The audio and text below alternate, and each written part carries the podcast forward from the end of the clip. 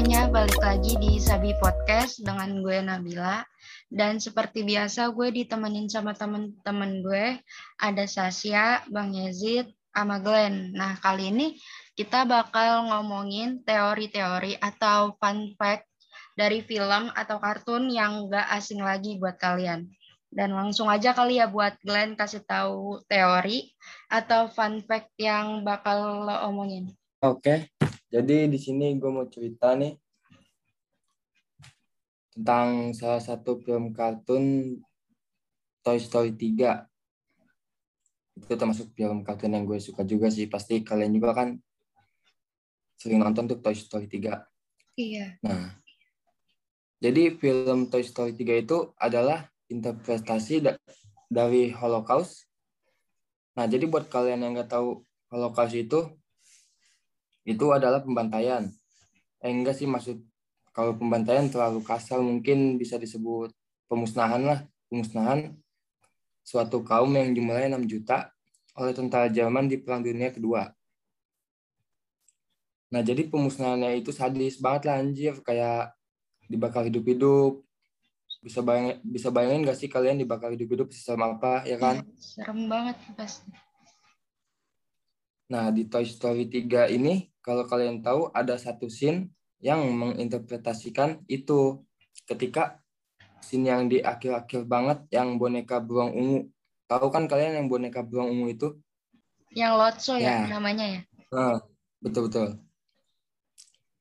Nah, jadi pas di scene itu suruh mainan dibakar secara bersamaan masal gitu kan, kayak si apa si Kobo itu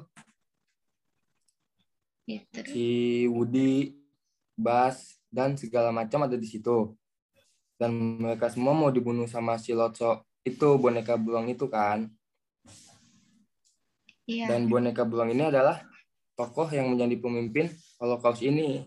Dan menurut gue itu masuk akal sih. Iya juga ya. Iya benar-benar benar.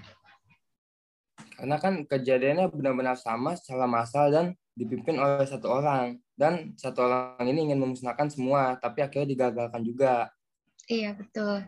Iya juga ya. Dan menurut mm, dan menurut beberapa fans itu adalah interpretasi dari Holocaust di Perang Dunia Kedua. Itu sih bagi gua di Toy Story 3 ini. Wow. Apa teorinya juga dark juga ya, serem juga anjir. Iya. Jadi tadi Glenn udah ngasih teorinya dia tentang Toy Story 3 yang dimiripin atau sama persis sama Holocaust itu. Nah, hmm. sekarang ada Shania Nurul yang katanya mau ngasih teori juga dari salah satu film Peter Pan atau Tinkerbell. Eh Sania, boleh dikasih tahu? Oke, okay. kali ini gue akan ngebahas soal film Tinkerbell. Kalau film ini menurut gue rada seru. Soalnya Tinkerbell menceritakan tentang kehidupan seorang peri dari Pixie Hollow yang ada di Neverland. Nah, Tinkerbell yang hidup dari tawa dan keceriaan seorang bayi. Nama Tinkerbell sendiri tuh didapat ia dianugerahi masuk ke dalam klan para pengrajin atau tukang stiker gitu yang bertugas membuat dan memperbaiki peralatan yang digunakan oleh para peri dengan bakat alam untuk mempersiapkan musim semi. Musim semi di daratan.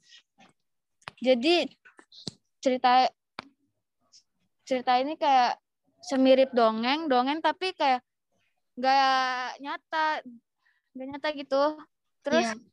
Tinker terus Tinkerbell yang tidak memiliki bakat. Dia tuh awalnya nggak punya bakat. Nah bakat alam bermimpi untuk bisa ke daratan utama. Pada musim semi bersama peri-peri yang mempunyai bakat alam saat itu dimulailah pencarian jati diri. Jadi sebelum itu dia belum memiliki jati diri gitu. Jadi dia harus mencari sendiri jati dirinya dia.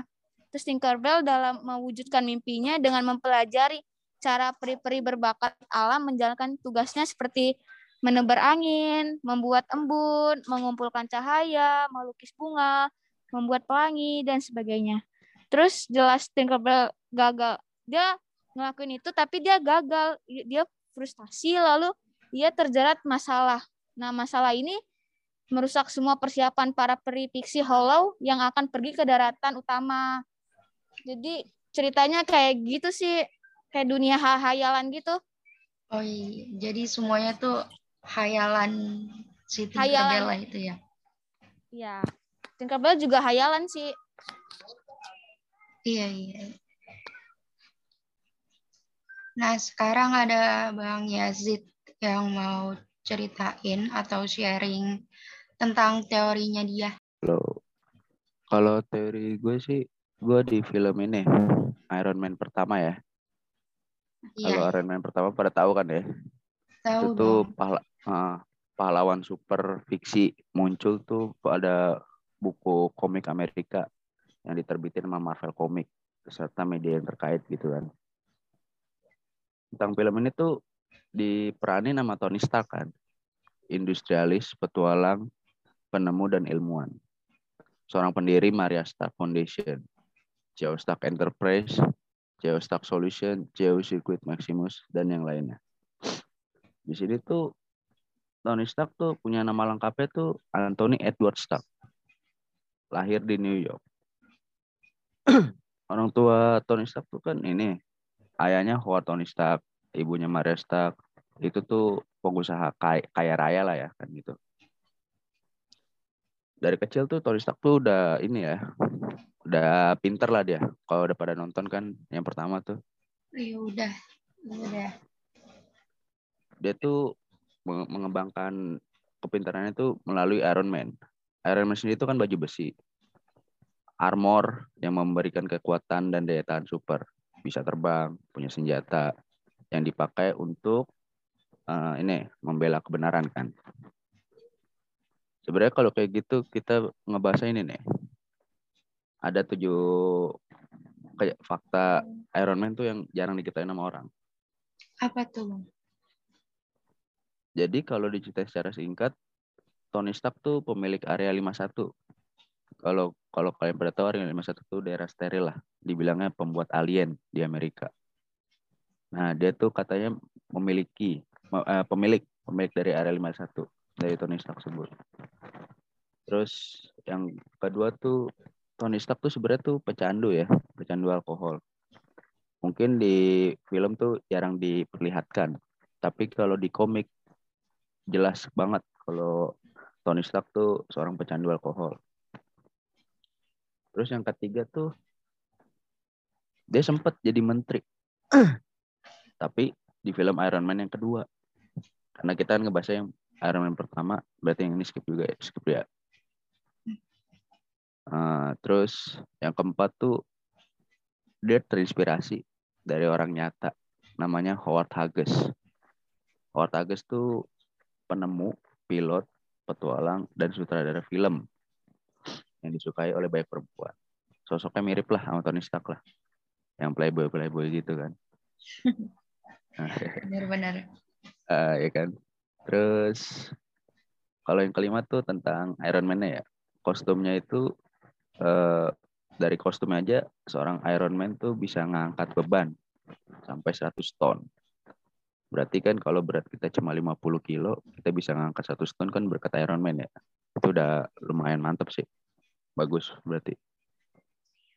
Terus yang terakhir, harusnya Tom Cruise yang menjadi Iron Man, bukan Robert Downey. Ya, kenapa gitu? Kan? Pak kan padahal kan bukan lebih cocok Robert Downey daripada Tom Cruise. Uh, tapi uh, soalnya dari pihak Marvel sendiri yang menawarin buat Tom Cruise. Oh, Tuh. gue uh, baru tahu. Ya ini faktanya nih, makanya. Tapi sayangnya tuh Tom Cruise-nya menolak karena dia tidak bisa apa uh, mengabulkan syarat dari Marvel tuh. Tuh. Itu oh. aja sih. Oh. Jadi fakta-faktanya. Berarti ada yang baru tahu nih ya faktanya nih ya? Iya, aku juga baru tahu itu yang Tom Cruise. Hampir deh hampir. Cuma dia menolak ya kan. gitu. Mungkin dari gue cukup nih. Bill, coba sekali lanjut langsung. Oke, jadi gue juga punya teori dari Marvel juga. Nah, jadi ini bukan ke teori sih, jadi kayak fun fact aja karena gue tuh pas nonton itu kayak baru tahu gitu loh. Nah, jadi Captain America atau Steve Rogers itu dia itu nungguin agar dia bisa ngedate sama Peggy Carter atau pasangannya dia itu selama 80 tahun atau 70 tahunan gitu loh. Gue juga lupa sih timelinenya gimana. Pokoknya selama itu dia nunggu sabar biar bisa ngedate sama Peggy ini. Nah, jadi kalau lo nonton di ending film Captain America yang di pertama, yang The First Avengers itu, setelah dia lawan Red Skull, musuhnya itu, kan dia ada di pesawat gitu ya. Nah, kayak mau jatuh gitu deh pesawatnya. Nah, terus dia tuh nelpon si Peggy nih sambil nangis-nangis gitu. Bilang kalau dia tuh ngejanjiin Peggy bakal kencan. Nah, bilang kayak kita nanti ngedate ya tanggal segini, jam segini. Jangan sampai telat gitu. Pokoknya dia tuh kayak ngejanjiin bakal pengen ketemu gitu loh. Nah, terus abis ngomong itu ternyata pesawatnya yang ditumpangi si Steve Rogers itu jatuh. Nah, terus ya udah tuh Peggy nangis lah segala macam. Nah, ternyata uh, pas jatuh itu si Steve Rogers itu nggak mati. Nah, ditemuin dia tuh dibekuin gitu. Nah, singkat cerita, kan si Captain America ini kan jatuh, terus dibekuin gitu kan. Nah, pas bangun-bangun, udah di beda era gitu loh. Kayak udah di tahun 2010-an lah kalau nggak salah. Kayak lebih modern gitu kan. Nah, terus dia kayak linglung kayak bingung gitu gimana sih? Kayak kan gue seharusnya ada di era yang kuno gitu loh masa lama. Kenapa tiba-tiba udah di era modern gitu? Terus ya itu pas panik gitu ditanya sama Nick Fury. Nick Fury itu kayak agentnya gitu. Ditanyakan lo nggak apa-apa? Terus yaudah dijawab nggak apa-apa gitu tapi seingat gue gue tuh ada date sama seseorang. Nah terus pas dia bilang gitu tuh kayak gue tuh mikir kayak anjir ini keren banget love story-nya si Steve Rogers sama Peggy Carter kan. Kayak sweet banget lah pokoknya gitu. Terus abis itu singkat cerita ada gue ingat ada scene di mana dia tuh ketemu sama Peggy Peggy yang pas udah tuanya gitu loh kan si Captain America dibekuin tuh jadi kan dia masih muda kan. Nah sedangkan Peggy-nya itu udah tua. Terus si Captain America ini nanya kayak gimana kehidupan lo? gitu kan. Terus ya udah tuh dijawab lah. Gue udah punya eh gue udah nikah punya anak gini gini gini gitu. Terus diunjukin foto gitu kan. Gue nggak tahu sih lupa kayaknya.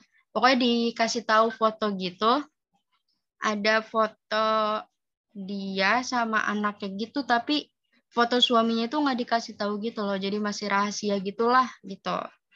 Terus ya udah tuh pas waktu Captain America eh kan pas per setelah pulang dari rumahnya Peggy itu singkat gue dia tuh ke museum gitu kan museum Captain America habis itu dia di situ nemuin buku dokumenternya si Peggy bilang kalau sebenarnya emang bener si Peggy ini udah nikah. Nah, terus ya udah tuh gue juga rada sedih sih di situ karena kan si Captain America ini belum ngenepatin janjinya dia gitu loh. Kalau bakal kencan ngedate sama si Peggy ini gitu. Terus ya udah tuh uh, ada scene di Endgame, Avengers yang Endgame di endingnya kan si Captain America ngebalikin batu ya. Batu-batu yang kayak Infinity Stone gitu-gitunya. Terus habis itu dia balik ke masa lalu buat naruh itu batu. Dan dia habis itu balik ke masa depan dan ngasih kayak wejangan gitu loh ke Sam Wilson sama Bucky Barnes. Terus nitipin shieldnya dia yang bintang itu bulat ke mereka kan. Terus habis itu dia pengen dibalikin ke masa lalu masa di mana ada Peggy gitu karena dia tuh mau nempatin janjinya. Terus ya udahlah dia balik ke masa lalu pas Peggy masih hidup dan dia berhasil ngetepatin janjinya yaitu bisa ngedance bisa ngedate sama si Peggy. Jadi itu sih kayak fun fact aja karena gue tuh baru tahu kalau oh ternyata gini ceritanya gitu. Kayak sweet juga sih menurut gue. Jadinya tuh romantis Bel ya ujungnya tuh. Iya jadi kayak menurut gue sih romantis banget karena dia si Captain America ini atau Steve Rogers kayak sabar nungguin gitu. Terus sampai ternyata uh, takdir di masa depan si Peggy yang meninggalin Captain America duluan terus dia muter alur lagi ke masa lalu buat nge apa sih kayak ngejanjiin kayak ngebuktiin gitu loh semua janjinya dia gitu yang dia janjiin itu. Iya ya, yang pernah dijanjiin ya buat dansa ya. Iya, itu kayak wow. So itu adalah teori-teori dari film Tinkerbell, Toy Story, Marvel yaitu Captain America dan Iron Man dan jangan lupa follow podcast kita dan pantengin episode-episode selanjutnya. Goodbye.